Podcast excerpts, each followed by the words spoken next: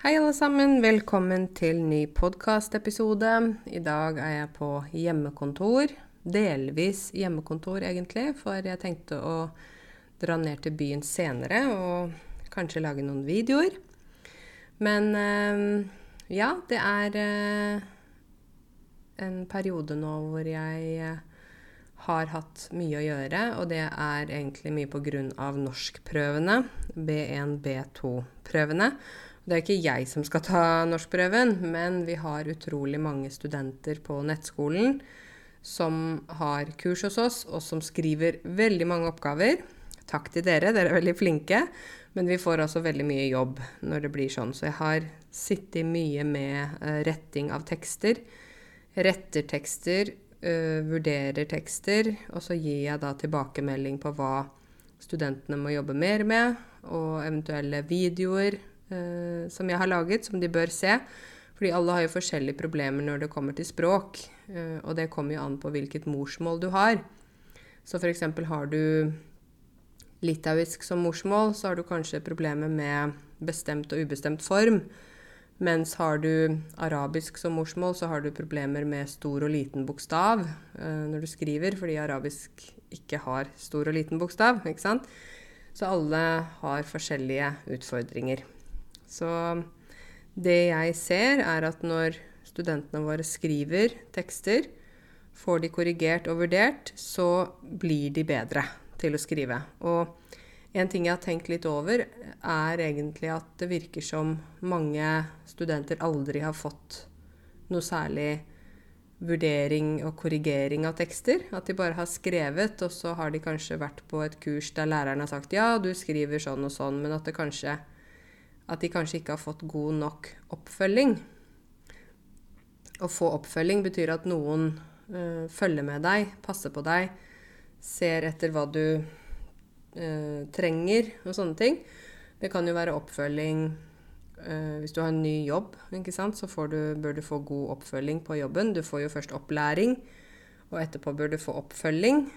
Og det er jo et sammensatt ord, så man kan jo si 'å følge opp' ikke sant? Det er mer konkret. Og oppfølging er jo da et substantiv. Så eh, vi prøver å gi studentene våre god oppfølging, men det er også mye jobb. Fordi de skriver mye, og vi har veldig mange studenter nå. Så da har jeg hatt mye å gjøre. Men jeg trives med det, egentlig. Og så har jeg fått flere lærere nå i vårt sensorkorps.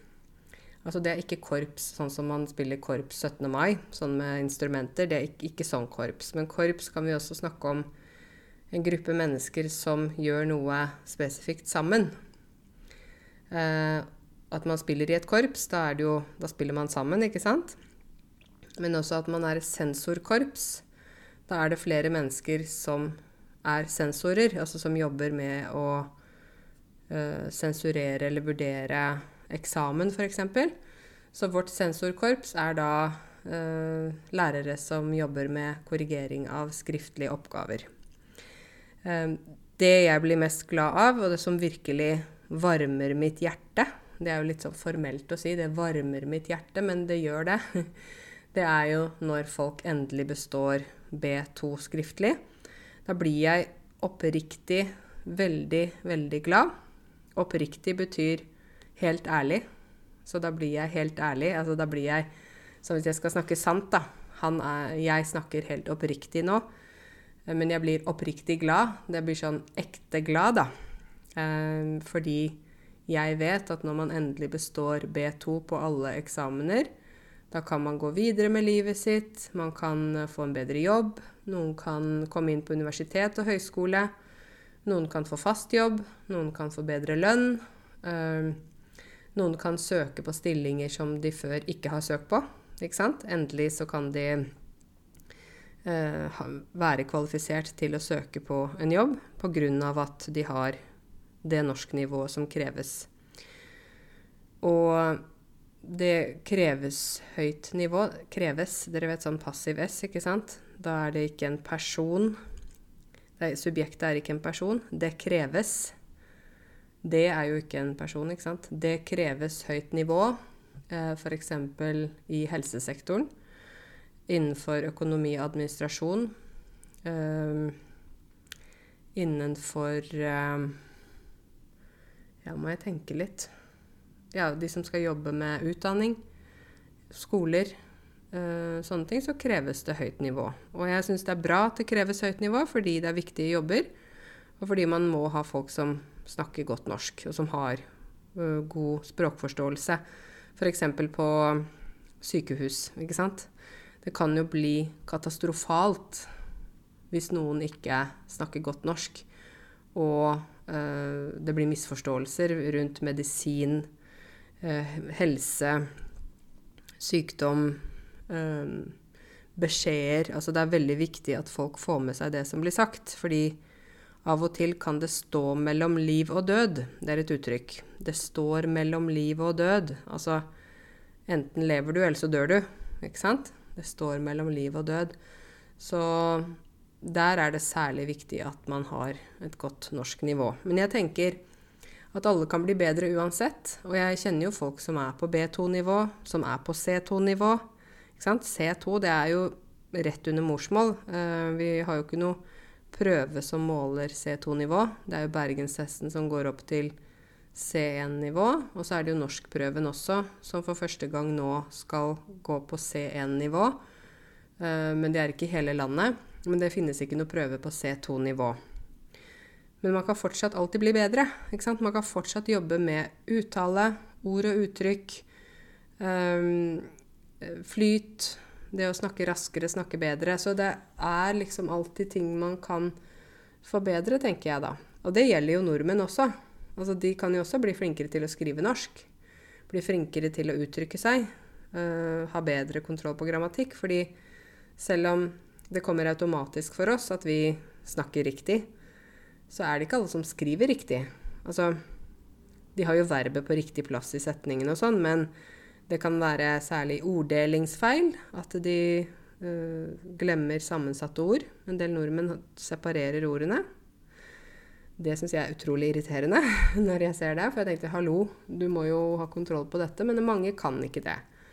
Kommafeil er veldig vanlig blant nordmenn. Eh, og og-feil er vanlig blant nordmenn. Um, så det er en del ting som ikke er helt på plass. Faktisk også bestemt form når det gjelder uh, substantiv med ett som artikkel. For de kan si liksom uh, 'Å, du er hjertet mitt'. Så skriver de 'hjerte' uten T. Man skal skrive 'hjertet mitt', ikke sant? Du er hjertet mitt. Men de glemmer det. Fordi vi uttaler jo ikke T. Vi sier jo ikke 'hjertet'. Og da tenker de ikke på at det faktisk må være bestemt form. Så jeg er jo litt sånn Jeg er jo ikke noen språkprofessor, jeg, men jeg er jo veldig opptatt av språk. Og jeg har alltid vært ø, flink til å uttrykke meg. Um, jeg fikk jo spørsmål da jeg gikk på skolen fra lærerne om de lurte på om jeg leste veldig mye fordi at jeg var flink til å skrive, var flink til å uttrykke meg. Um, men jeg er ikke en sånn type som leser veldig mye. Jeg har ikke tid. Og jeg har ikke ro på meg. Jeg er jo ganske aktiv. Eh, litt sånn ikke hyperaktiv, men litt utålmodig type. Så for meg å sitte med en bok i mange timer, det, det går ikke. Jeg er ikke så veldig glad i det. Um, Bishar, som jeg bor sammen med, han elsker bøker. Og han kan sitte og lese, han koser seg. Han det beste han vet, å sitte med gode bøker. Og jeg bare ser på han og tenker Wow, der sitter du, og du har hodet nedi boka. Det er sånn uttrykk. å ha hodet nedi avisa eller hodet nedi boka. Det betyr at man er veldig sånn fokusert. Jeg klarer ikke det. Men det jeg gjør, er at jeg Altså, det gjorde jeg ikke da jeg var barn, da. Da var, da var jeg bare på en måte jeg, hadde, jeg, var flink i språk. det var på en måte min gave. Men uh, jeg, nå for tiden så hører jeg jo veldig mye på podkaster. Ikke min egen. Det liker jeg ikke å høre på. Men jeg hører på andres podkaster. Jeg hører en del på lydbøker. Fordi når jeg hører på lydbøker eller podkaster, så kan jeg gjøre andre ting samtidig. Altså jeg kan gå en tur med Bahia og samtidig høre på en bok, ikke sant? Samtidig lære noe. Da føler jeg at jeg får liksom to i én, da. Ikke sant? Jeg får, jeg får beveget meg, og samtidig får jeg uh, lært noe nytt eller hørt på noe historie eller et eller annet sånt noe. Så det bruker jeg mye. Så jeg er nok en mer auditiv type. Vi har jo sånn For en del år siden så var det jo sånn veldig trendy eh, Man snakket om læringsstiler da, i, i, skolen, i opplæringen. Man snakker jo Det kommer alltid sånne trender innenfor utdanning og opplæring.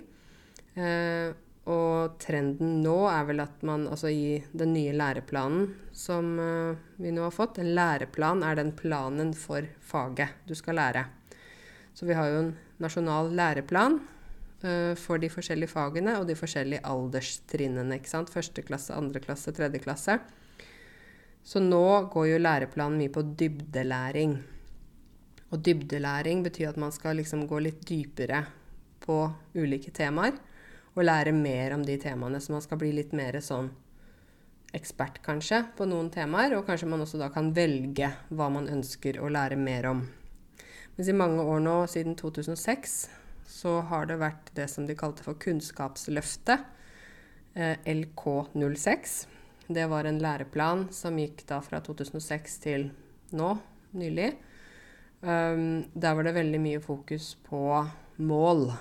Altså dere som kanskje jobber i skolen og sånn, dere vet hva jeg snakker om. Det var ikke så mye snakk om hvordan man skal lære ting, men det var snakk om mål. Hva er målet med det vi gjør nå? Hva er målet med timen? Hva er målet med denne opplæringen? Hva er målet med dette kapitlet? Det var hele tiden snakk om mål, og jeg syns det var utrolig slitsomt. Fordi den læreplanen, LK06, den var veldig åpen. Um, det, var, det sto det som man kaller for kompetansemål. Eh, F.eks. fra første til fjerde klasse, tror jeg det var. Det er jo litt lenge siden jeg jobba i vanlig skole, men jeg, jeg, husker jo dette her. Oi, unnskyld meg. Jeg sa skål her. det var bare vannglasset mitt. Skål til dere. um, jo, det var uh, kompetansemål. Så det betyr at det sto f.eks. matematikk. Så skulle man liksom lære uh, ja, f.eks. Uh, addisjon, altså pluss, subtraksjon, minus, multiplikasjon, altså gange, og divisjon, f.eks. disse fire regneartene, skulle man da lære eh, mellom første og fjerde klasse. Men det var ikke bestemt hvilket årstid man måtte nødvendigvis lære det. Så det var litt opp til skolen når de skulle lære det i denne gruppa. Det jeg syns var problemet med det, var jo hvis noen barn flyttet, og det gjør man jo når familier flytter, og barn bytter skole, så kunne det jo være da at de byttet ny skole, og på den skolen så hadde de allerede lært f.eks. multiplikasjon og divisjon, så barna på den skolen kunne det, mens ditt barn f.eks. ikke hadde lært det på forrige skole. Og da blir det et gap. Et gap, du vet når du gaper med munnen ah, Åpent, ikke sant? Det blir et gap. Man kan si et sånn kunnskapsgap. Altså det er noe som mangler. Det er noe som er åpent, som ikke er fylt. Som kunnskap du mangler. Um, en annen ting jeg ikke likte Jeg likte ikke den læreplanen, bare, for, bare, så det er sagt. Jeg likte ikke Kunnskapsløftet. Fordi jeg um, syns det er mye bedre at det er mer konkret. Vi hadde jo um, læreplanen som var før det, kom i 1997. Den het L97. Den likte jeg mye bedre. Jeg, da jeg um, underviste Jeg begynte jo som vikar i 2004, før jeg hadde blitt lærer, altså, men da brukte vi den L97. Og den var mye bedre, syns jeg, fordi den var OK, i femte klasse i matematikk, da skal du lære dette. I sjette klasse skal du lære dette. Og det var jo det samme over hele landet, så det betyr jo at hvis du da flyttet, så vil du uansett bli sikret at du lærte det du skulle i den klassen du gikk. ikke sant? Mens Kunnskapsløftet var mer sånn ja, mellom første til fjerde klasse så skal vi lære sånn og sånn. Og det er jo, jeg syns det er altfor åpent, og det er altfor løst. At noe er løst, det betyr at det ikke sitter fast. Det er ikke konkret. Ikke sant? Så ja, det er i hvert fall sånn som jeg tenker som pedagog, så er det bedre å ha noe konkret å forholde seg til. Det er også et uttrykk. Å ha noe konkret å forholde seg til kan vi bruke på mange måter. Ehm, det betyr noe spesifikt, noe som er helt sånn klart. Vi kan snakke om det f.eks. på jobben, arbeidsoppgaver. Det er fint å ha noe konkret å forholde seg til. Hva skal jeg gjøre på jobben? Hva er mine oppgaver? Um, hvis det er en vanskelig situasjon, så bør man jo vite litt hva som skjer, eller noe sånt. Altså i livet, da. Da er det greit å ha noe konkret å forholde seg til. Det samme gjelder med læring. Det er greit å ha noe konkret å forholde seg til, for da er det mye mer klart. Da lurer man i hvert fall ikke på det. Så L97 uh, Altså i 1997 skjedde det en endring i Norge. Og da var det sånn at man skulle få inn et ekstra skoleår på barneskolen, så fra første til sjuende klasse. Så søsteren min, uh, hun er født i 1990, hun var da det første kullet. Et kull er da alle som er født i samme år. Hun var det første kullet som da har uh, totalt ti års grunnskole. Jeg har ikke det. Jeg har ni år. Fordi jeg begynte jo på skolen i 92. Da begynte jeg når jeg var sju år. Ikke sant? Søsteren min begynte da hun var seks år. Uh, I 1996. Var det? Ja, 96-97. Det skoleåret der. Og da husker jeg at vi hoppet over en klasse. Jeg gikk da i femte klasse, for jeg er fem år eldre enn henne. Og så begynte jeg aldri i sjette klasse. Jeg gikk direkte til sjuende klasse. og det var veldig rart. Eh, men det måtte vi gjøre, vi barna som da hadde begynt da vi var sju år. Vi måtte hoppe over en klasse for at det skulle bli riktig, da. Så Rebekka, søsteren min, hun har uh, ti års grunnskole pluss tre år videregående, pluss at hun er, uh, hun er utdanna sykepleier, og så har hun utdannelse innenfor noe ledelse og sånn etterpå. Men hun har da ti år pluss tre år videregående pluss fem år universitet. Jeg har ni års grunnskole, ikke sant? seks år barneskole, tre år ungdomsskole pluss tre år videregående, pluss da fem år universitet. Ikke sant? Så jeg har faktisk ett år mindre utdannelse enn min søster. Men det, det, var da Da kom L97 i 1997. Og jeg likte den læreplanen. Jeg skulle ønske vi kunne komme tilbake til det. Um, det er ikke alltid at det som er nytt, nødvendigvis er det beste, selv om det er trendy. Og hvorfor kom jeg inn på dette her nå, dere? Jo, fordi det var en lang digresjon. En digresjon betyr når man egentlig snakker om en ting, og så får man en idé og begynner å snakke, skal fortelle bare en kort ting, og så snakker man lenge om den tingen. Og det har jeg gjort nå. dette var en lang digresjon om dette med trender innenfor læring. Fordi jeg sa at jeg var auditiv. Og jeg husker da jeg eh, begynte å studere til å bli lærer, så var det veldig trendy å snakke om læringsstiler. Altså hvordan man lærer best. Noen Man kan jo ha selvfølgelig en blanding av ulike læringsstiler, men noen er mer auditive, altså de lærer mer ved å høre. Jeg er nok en sånn type.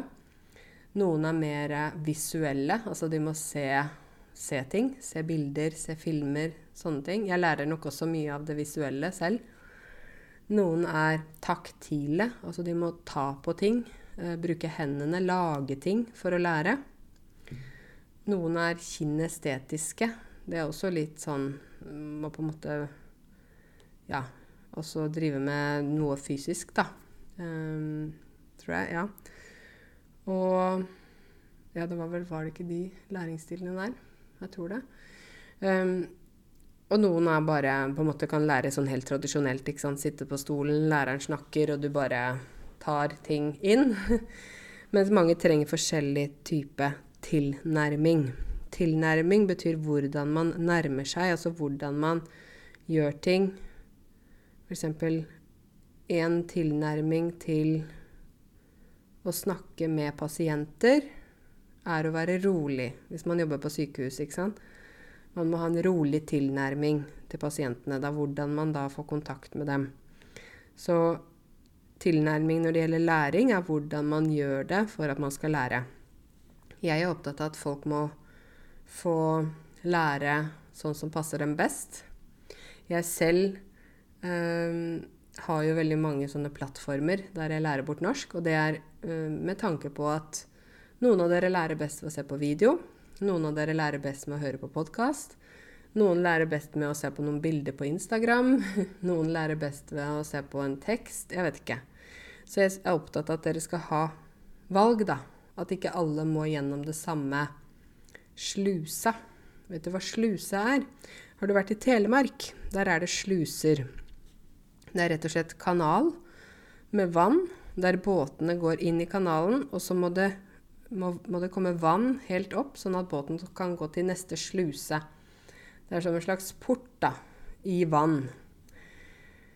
Um, dere kan jo søke på det på nettet. Sluse. S-L-U-S-E. Sluse. Og hvis du vil lære om Telemark, så kan du da søke, om, søke på Sluse Telemark. Telemarkskanalen. Da ser du hvordan båtene må gå i den slusa. Altså det er ikke noe annet valg. Det er det jeg mener at Istedenfor at alle skal sluses, det er et verb, å sluses, istedenfor at alle skal sluses gjennom det samme opplæringsløpet, opplæringsplanen, så er det bedre hvis man har noen flere alternativer og tenker at OK, noen lærer ved å lytte, noen lærer ved å lese, noen lærer ved å lage ting. Eh, så jeg er faktisk fortsatt enig med det med læringsstiler. Jeg tenker at det er, det er bra å tenke at vi lærer forskjellig, og at det ikke er noe én måte å lære på som er rett eller galt. Jeg vet jo at en del av dere som hører på meg, har gått på veldig tradisjonelle skoler i hjemlandet. Der var det bare én måte å lære på, og det var det at læreren snakket, elevene skrev. Elevene skulle ikke tenke mye selv, de skulle ikke stille spørsmål, skulle ikke kritisere, skulle ikke tenke kritisk, skulle bare være enig, og læreren var den som visste alt, nesten som Gud, the almighty, den allmektige. Men uh, jeg er veldig åpen for det at OK, jeg er lærer, jeg vet mye om faget mitt, men jeg er også et menneske. Så av og til kan jeg ikke svare. Av og til vet jeg ikke. Og da tenker jeg at det er bedre at man sier du vet hva, det vet jeg ikke, det må jeg sjekke opp. Istedenfor at jeg later som at jeg kan, bare fordi at jeg skal være liksom en sånn mester, da. Men hvis du tenker tilbake på lærerne du hadde på skolen da du vokste opp um, Jeg tror mange av dere kommer fra land der det var ganske enveis. Det var en sluse, én måte å lære på, én vei.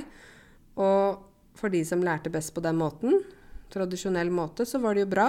Men det var kanskje mange som ikke ble møtt, eller ikke fikk uh, det de trengte, fordi de rett og slett uh, ikke lærte best på den måten. Og kanskje de kunne lært mye bedre hvis de hadde andre læringsstiler, andre alternativer. Og for meg så er det sånn noe av det kjedeligste jeg vet, er kjedelige lærere. Unnskyld meg, men jeg syns det er, er, fortsatt mange lærere som er ganske tradisjonelle, særlig i voksenopplæringen. Jeg har sett det gang på gang. Jeg holder jo kurs for lærere. Jeg prøver å få de til å tenke litt nytt, tenke litt annerledes, være litt kreative. Uh, men jeg føler mange der er ganske tradisjonelle. Det er liksom læreren som snakker. Elevene skriver. OK, nå skal dere jobbe med oppgaver. OK. Og så skal læreren skrive litt mer. Og så skal vi snakke sammen. Snakk sammen. Men jeg er mer sånn for å prøve å tenke litt annerledes, da. Um, og jeg er glad for at jeg får lov til å reise rundt til forskjellige voksenopplæringer og skoler for å prøve å gi dem litt ny inspirasjon litt nye ideer, slik at de kan gjøre ting annerledes. Fordi da kan det hende at elevene også lærer mer. At elevene blomstrer. Og blomstre eh, betyr jo at blomster vokser, men det betyr også for mennesker at de blir veldig glade, at de stråler, at de er veldig fornøyde. Ikke sant? Vi kan si hun blomstrer i den nye jobben. Hun blomstrer i den nye leiligheten sin. Ja. Så jeg er opptatt av at alle skal få uh, noe som passer seg, og variasjon. Og humor. Litt mer Vi er jo voksne, da, som lever et liv, ikke sant. Av og til er livet vanskelig, det er, det er tøft, det er kjedelig, det er økonomisk tøft, det er mange ting. Så hvis vi i hvert fall kan gjøre læringen morsom, så er det et lysglimt et lysglimt betyr litt lys. Når du ser litt lys ikke sant? I tunnelen, f.eks. Det er et lysglimt i enden av tunnelen. Det er et uttrykk. Jeg ser et lysglimt i enden av tunnelen. Jeg ser litt lys i enden av tunnelen. Det er ikke helt mørkt. Det er ikke helt håpløst, ikke sant? Så hvis læring kan bli et lysglimt i livet ditt, så tenker jeg at da har man gjort en god jobb som lærer, da. Da er det gøy å lære, og, det gjør at man har det bedre.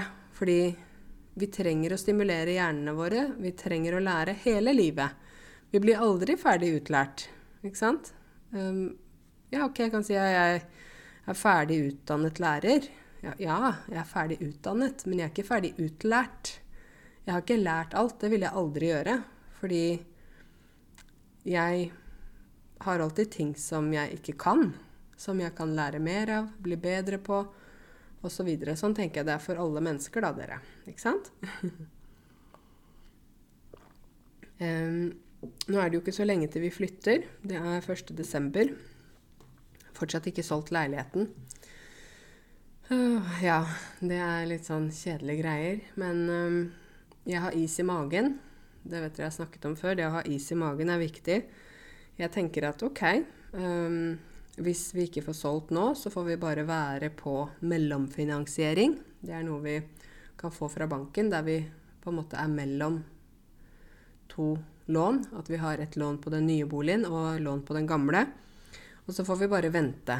Uh, kanskje vi heller da legger leiligheten ut uh, til våren. Eller vi får se hva vi gjør. Eller at jeg leier ut her for en kort periode, eller et eller annet. Men jeg prøver å ikke stresse, fordi jeg kan ikke trylle. Og trylle, ikke sant. Magi. Tryllekunstner. Jeg kan ikke gjøre noe mer enn det jeg har gjort. Vi har tatt bilder, vi har hatt visninger, vi har annonser på Finn. Men megleren sier nå at markedet er litt vanskelig. At mange sitter på gjerdet. Har du hørt det uttrykket før? Å sitte på gjerdet betyr at man liksom man, sit, man sitter og venter. Man gjør ingenting, man bare ser hvordan det går. Så å sitte på gjerdet er da et uttrykk vi bruker da, for når man ikke liksom tar action, ikke gjør noe. Så en del sitter på gjerdet og venter litt. Um, så får vi bare se. Jeg har is i magen, jeg slapper av, jeg er ikke stressa. Jeg har eh, litt sånn visninger, privatvisninger og sånn. Det er kjedelig. Eller vel, ikke så kjedelig, men jeg må holde huset veldig ryddig hele tiden. Jeg må holde det litt sånn unaturlig ryddig, sånn som jeg egentlig ikke ville kanskje hatt det, men det er fint å ha ryddig hus, altså, jeg sier ikke det. Men det er litt slitsomt at det hele tiden må være så veldig ryddig, da. Men, men. Sånn er det bare. Eh, forrige uke så klarte jeg ikke lage podkast fordi jeg eh, trakk to visdomstenner. Dere som følger meg på Instagram, dere vet det. Jeg trakk to visdomstenner, og det visdomstenner er de tennene sitter bakerst i munnen. Um, som noen får, og noen får ikke de. Noen får to, tre. Jeg fikk fire, dessverre. Og disse visdomstennene sitter bak i munnen, og vi får de når vi er voksne. Men de er, det er litt vanskelig å holde rent i munnen, helt bakerst i munnen. Uh, og så var Bishar og jeg på en sånn tannsjekk, for det var sånn tilbud, da, kampanje, for å ta bilder av tennene, rense de og noe sånn ekstra rensgreier. Um, det kosta 500, så det var ikke så dyrt. Vi hadde jo egentlig tenkt å reise til Tyrkia og tenkt å fikse tennene i Tyrkia, men det går jo ikke pga. korona. Så, men 500 for en sånn sjekk og rens, da tenkte vi ok, det var jo ganske billig. Men det er jo en, et salgstriks. Et salgstriks betyr at du gjør noe for å selge, ikke sant. Kanskje noen Du får noe gratis, og så får du tilbud om å kjøpe mer, eller noe sånt. Så det er jo et salgs, salgstriks å ha en sånn billig sjekk hos tannlegen, og så kanskje sier de ja, men du har tre hull, du må komme tilbake, og sånn og sånn. Vi kan jo selvfølgelig velge å si nei, men når du først har vært hos en tannlege, de har tatt bilder av tennene dine og sånn, så er det liksom kanskje, kanskje like greit å bare gjøre det. Så tannlegen sa til meg at jeg hadde hull i mine visdomstenner, at jeg hadde betennelse. Betennelse er, eh, når du har sånn gult puss, altså sånn infeksjon, da og, og, det blir hovent. At noe er hovent, betyr at det blir litt større. F.eks. hvis du vrikker foten. Hvis du spiller fotball, og så tråkker du liksom skeivt, så vrikker du foten liksom ned på siden, og da blir foten hoven etterpå. H-o-v-e-n. Hoven. Og med lang å-lyd. Hoven. Så det var litt hovent inni munnen min, så hun sa vi må trekke de. Ja, hvor mye skulle det koste da, dere? 7000 kroner. Um, men det var også med eh, De hadde et tilbud igjen, da. De hadde et, et annet salgstriks. Det var uh, hjemmebleking av tennene. Fordi jeg, har, jeg syns jeg har litt gule tenner etter jeg har drukket veldig mye kaffe og sånn. Jeg røyker ikke. Jeg snuser ikke. Uh, men jeg har litt gule tenner. Så jeg vil gjerne bleke de tennene lite grann. Uh, ikke noe sånn veldig sterk behandling, men at jeg får litt hvitere tenner. Så får vi se etter hvert om jeg får sånn vi kaller for blenda-hvitt smil. Blenda er jo vaskepulver for hvite klær. Eller vi har også for fargede klær. Men mm, vi hadde sånn reklame for mange år siden da vi sa å, det blir blenda hvitt. Det betyr at det er helt hvitt. Hvis du vasker møkkete hvite klær, så blir de blenda hvite. Så de, det er sånn reklame, et salgstriks nok en gang. Så kanskje jeg får blenda hvitt smil. Nei da. Men jeg skal ikke ha sånn ekstremt hvitt smil eller hvite tenner, for det, det ser jo unaturlig ut. Men kanskje litt, litt hvitere enn det jeg har. um, så det var da med sånn uh, bleking og med trekke to tenner. Um, og jeg gruet meg så fælt. Å grue seg, det er refleksivt verb. Være nervøs, stressa. Uh, F.eks.: Jeg gruer meg til eksamen. Jeg gruer meg til norskprøven. Jeg gruer meg til uh, å holde foredrag. Ja, det kan være forskjellige ting. Um, og jeg tenkte OK, jeg får bare gjøre det, men jeg grua meg. Fordi jeg har gjort det før, for mange år siden. Tok jeg to tenner. Uh, og så skulle jeg egentlig ta to tenner til en måned etter for å bli ferdig, men jeg ville ikke. Jeg orka ikke, så jeg kansellerte det. Og så har jo den tannlegen har jo sluttet og sånn, så jeg, bare, jeg har bare utsatt det. Å utsette noe betyr jeg gjør det senere. Ikke nå, senere. Jeg har utsatt og utsatt og utsatt, og nå sa tannlegen at du må ta de. Så tenkte jeg OK. Jeg får bare Og uttrykk. Jeg får bare bite tennene sammen. Det er jo litt ironisk at jeg bruker det uttrykket når jeg snakker om tannlege, da. Men det er et uttrykk vi bruker. Å bite tennene sammen betyr at man bare gjør det. Være tøff. Ikke redd, og bare OK, bare gjøre det. Så jeg beit tennene sammen og dro til tannlegen. Grua meg veldig. Hadde, var stressa og vondt i magen, for det er så nervøs. Og så sa hun jeg skal sette masse bedøvelse. Så hun skulle sette mange sprøyter for å bedøve munnen så jeg ikke kjenner noe. Men bare, for meg så er bare For å, å ta bedøvelse liker jeg ikke. Så jeg begynner å hyperventilere. Jeg blir helt sånn tullete. Jeg blir helt irrasjonell. Altså, jeg sitter sånn Sånn puster jeg. og, og, og, jeg er helt anspent.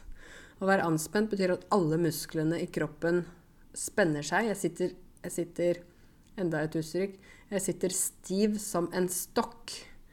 En stokk er litt sånn tjukk pinne.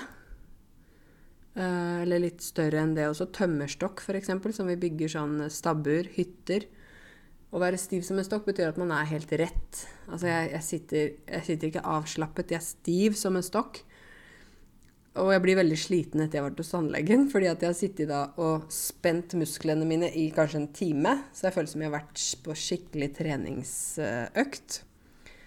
Økt betyr en sånn uh, Ja, en time, halvtime, to timer. En periode, da. Som jeg har hatt en treningsøkt der jeg sitter stiv som en stokk og hyperventilerer og er totalt irrasjonell.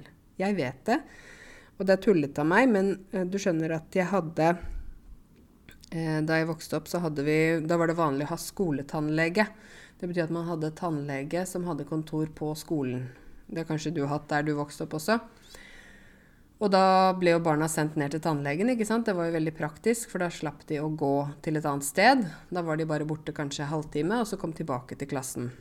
Og vi hadde en tannlege, jeg husker han het Hunstadbråten. Kai Hunstadbråten. Nå sier jeg navnet hans, men ja. Han Og på den tiden, det var ikke bare Hunstadbråten. Det var kanskje alle tannleger. De boret Altså hvis du hadde et lite hull, så boret de ekstremt mye av tanna. Og bore betyr bzz, altså ta bort uh, hull.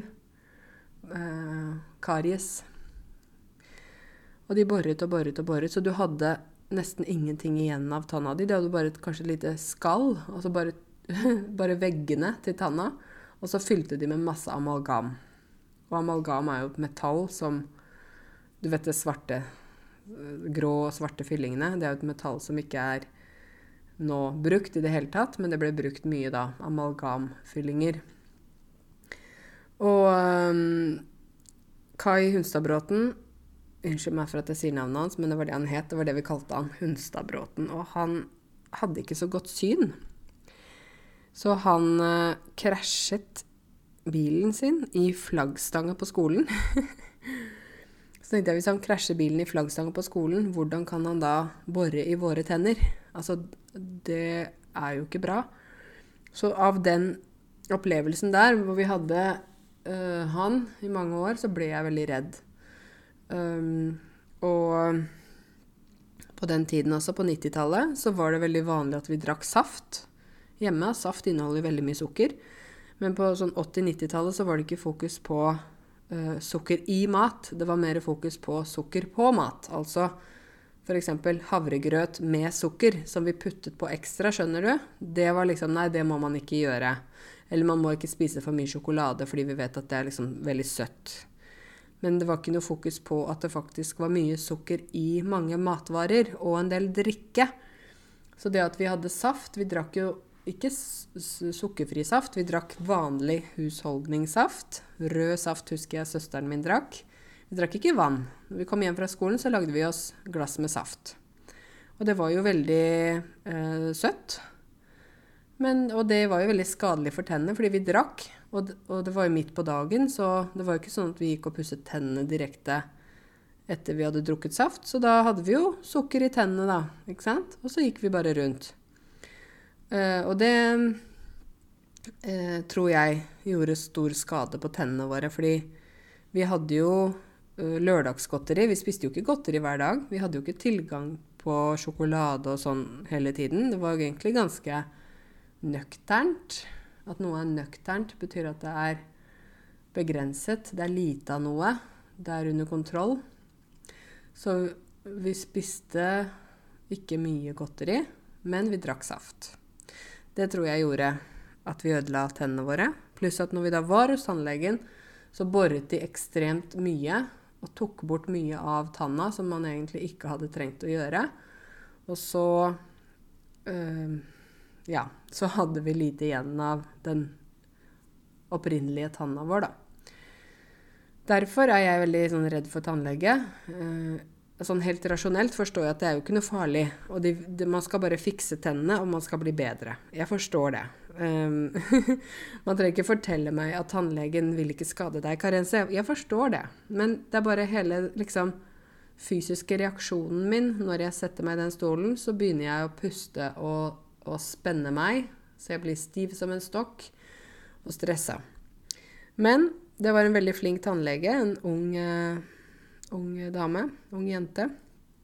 Det jeg gjorde nå denne gangen, var at jeg satte på skikkelig høy musikk. Jeg tok på AirPods og tok på noe veldig høy musikk, sånn at jeg ikke hørte de lydene når hun skulle ta tanna ut av munnen. Fordi det er så nært øret. Og liksom Åh, hjernen og Nei, det er grusomt. Ah. Så jeg hørte ikke noe, kjente ikke noe. Jeg bare kjente jo liksom at hun dro litt i kjeven min. Kjeven er jo liksom inni munnen, der tennene er festet til kjeven. Men etterpå så, så, kom begge tennene ut, og de kom hele ut, så hun slapp å dele de opp. Du vet, Noen må jo faktisk kutte de to, og det er masse greier, men hun klarte å få begge ut. Og da kunne jeg selv se at ja, det var hull i begge, et sånt, sånt svart merke. Det var betennelse. Det kom sånn gult puss. Det var, ja, det var rett og slett absolutt på tide å ta de ut. Nå er det litt over en uke siden jeg trakk de. Nå går det mye bedre, men jeg har jo hatt en uke nå hvor jeg har spist suppe, eh, yoghurt, eh, litt iskrem for å kjøle litt ned. Um, har ikke spist ordentlig mat før um, tirsdag. I dag er det torsdag. Så Og i hvert fall ikke knekkebrød eller sånne ting med sånn som man må tygge mye. Det vil det tenk, Jeg orker ikke tenke på å spise det. det er, jeg tenker å nei, det blir bare vondt. Så jeg må bare ta det litt med ro, og så håper jeg at eh, det går bra etter hvert. At det lukker seg, fordi det blir jo et hull, ikke sant. Når du trekker tanna ut, så blir det åpent.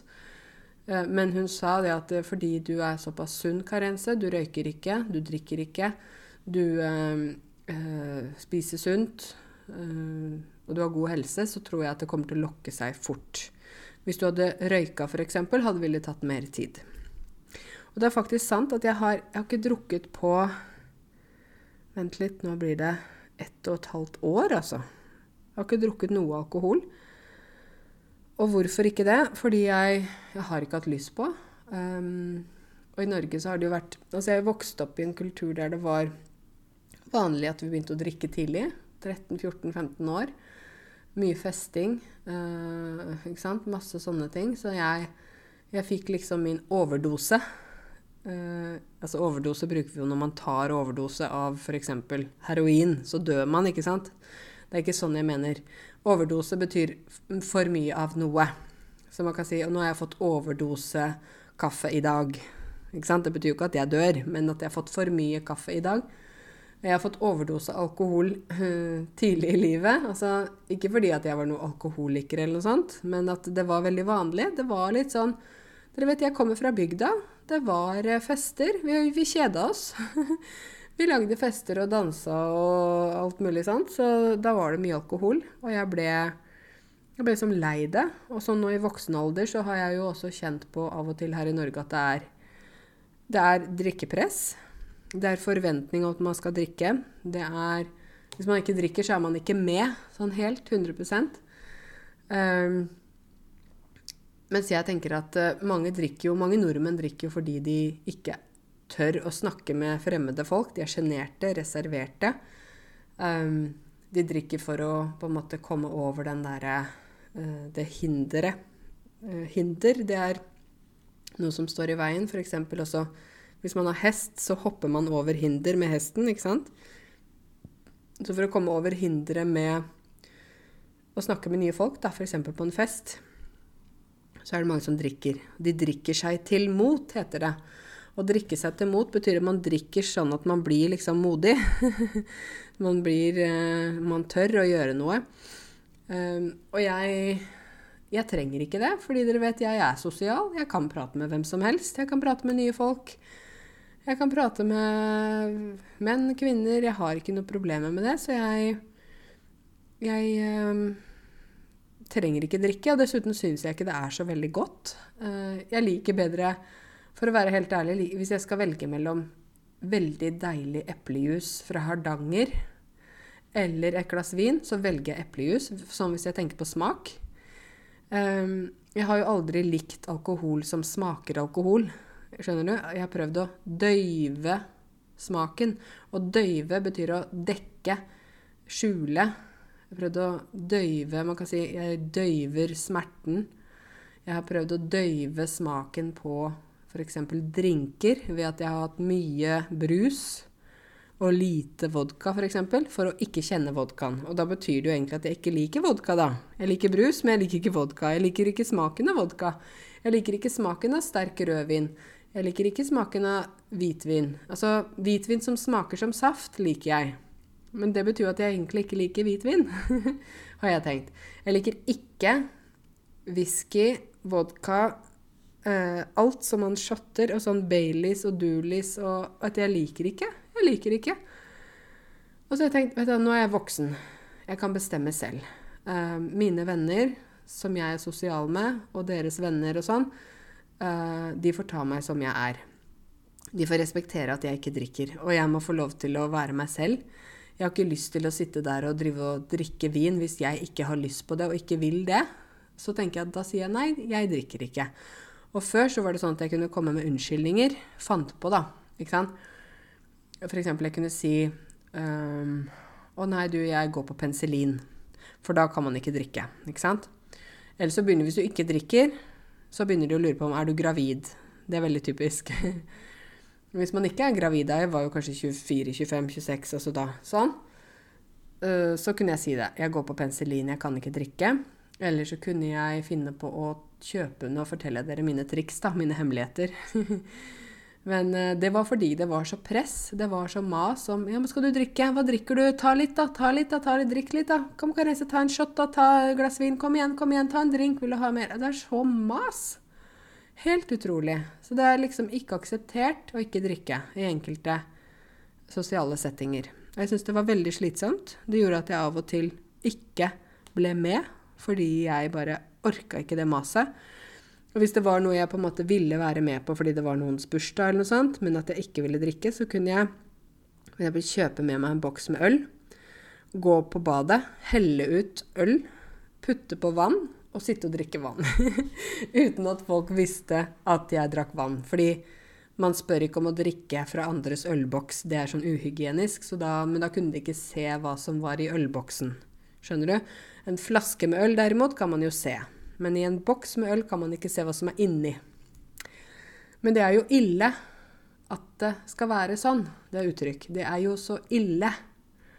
Det betyr at det er jo veldig forferdelig, eller det er veldig dårlig. Det er jo ille at det skal være sånn at man driver og finner på historier eller sitter og later som man drikker for at folk skal ikke mase. For at folk skal la deg være i fred, eller liksom øh, akseptere at du ikke drikker. Og nå er det sånn, nå sier jeg det rett ut. Nei, vet du hva, jeg drikker ikke. Og så sier jeg ikke noe sånn, jeg går på penicillin. Eller at jeg har den ølboksen og later som jeg drikker. Jeg sier bare nei, jeg vil ikke ha. Jeg tar eh, heller eh, Farris eller Jeg vil ikke ha. Og da tenker jeg at jeg Men det, grunnen til at jeg tror mange stresser for at jeg da ikke drikker, og de drikker, er fordi de mister kontrollen. Ikke sant? Jo mer de drikker Og jeg er jo, jeg er jo da edru. Når man ikke drikker, uh, så er man edru. Når man drikker litt, så blir man brisen. At man blir litt sånn ho-ho, litt eh, glad. Og så drikker man for mye, så blir man full. Og drikker man altfor mye, så blir man drita full. Det er ikke noe fint å si dere, men drita full, da er man så full at man ikke kan stå på beina. Men jeg, hvis jeg da ikke drikker, så er jeg hele tiden edru. Og jeg husker alt. Jeg kommer til å huske alt i morgen. Jeg har kontroll. Uh, jeg ser hva andre gjør. Jeg husker hva de sa. Og folk som drikker, mister hemninger. Å miste hemninger betyr at man ikke har liksom de samme grensene som man pleier å ha. Man bare kan Man kan forsnakke seg. Altså man kan bare si noe uten at man egentlig hadde plan om å si det. Man kan eh, glemme seg bort. Man kan eh, avsløre ting eller fortelle hemmeligheter som man egentlig Ting som er privat, som man ikke burde si. Ja. Og vi sier jo på norsk at av barn og fulle folk får man høre sannheten. Fordi de sier det som det er. Barn sier det som det er, og fulle folk sier det som det er. Uten hemninger. Så problemet da, hvis man er på en fest, og f.eks. hvis jeg er der og jeg ikke drikker, og alle andre drikker, så er de ikke så kanskje interessert i å ha meg der, fordi alt det dumme de gjør, og dumme de sier, vil jeg komme til å huske i morgen. De har ikke kontroll på hva de har sagt. De, kanskje de får sånn blackout, de husker ikke. Men de vet at jeg var der, og jeg drakk ikke. Og da blir det stressende. så jeg kan jo forstå det, jeg skjønner det, men likevel så er det liksom eh, synd, da. At det ikke skal, skal kunne være sånn at man kan være på en fest både med å drikke og ikke drikke. At begge deler er greit, og at det viktigste er at man er der og er sosial sammen. Men fokuset blir liksom drikker du, eller drikker du ikke? Altså, er du med på felles aktivitet, eller er du ikke med på felles aktivitet? Altså drikke. Men altså, mine venner som jeg er mye sammen med, de vet jo dette her. Og noen av de drikker, og noen av de drikker ikke, og det er greit. Jeg som sagt har ikke drukket siden jeg ble 34 år, siden bursdagen min. På ett og et halvt år siden.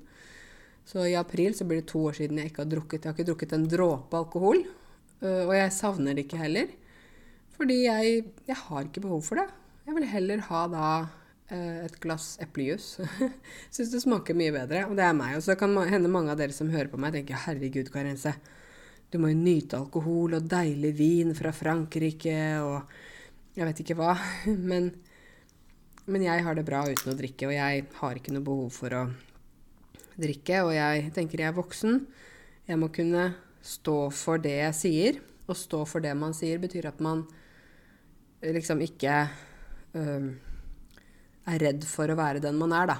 Man er ikke redd for å si meningen sin. Man kan være seg selv, stå for det man sier, og øh, fortsatt føle seg bra, da. Så jeg står for det jeg sier. Jeg drikker ikke. Jeg har ikke jeg vet ikke, Det betyr ikke at jeg alltid skal liksom være uten å drikke resten av livet. Det har jeg ikke. Jeg har ikke bestemt meg for det. Da, da sier man at man er avholds. Å være avholds betyr at man absolutt ikke drikker alkohol. Det kan hende.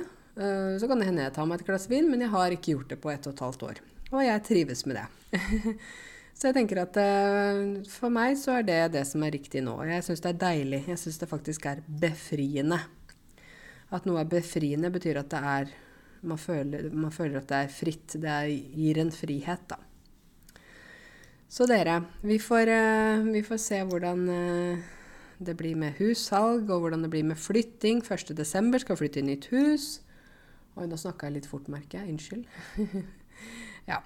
Men det, det, er mye som skjer, i hvert fall. Og i dag har jeg også vært på trening med PT-en min, så jeg kjenner jeg er ganske sliten. Men det er veldig effektiv trening og veldig bra. Jeg føler at én time med PT er som tre timer alene på treningsstudio. Så um, jeg håper at dere har det bra der dere er. Jeg skal nå etter hvert dra på kontoret, lage noen videoer til dere. Se om jeg får, kan lære dere noe nytt. Og så får vi håpe at den nye læreplanen som jeg snakket om, med dybdelæring, at den blir litt mer uh, OK enn den derre Kunnskapsløftet LK06, håper jeg. OK, det var dagens prat. Så ønsker jeg dere fortsatt fin dag videre der dere er. Takk for at dere hørte på, og på gjensyn. Nei, vi høres, heter det. Vi høres.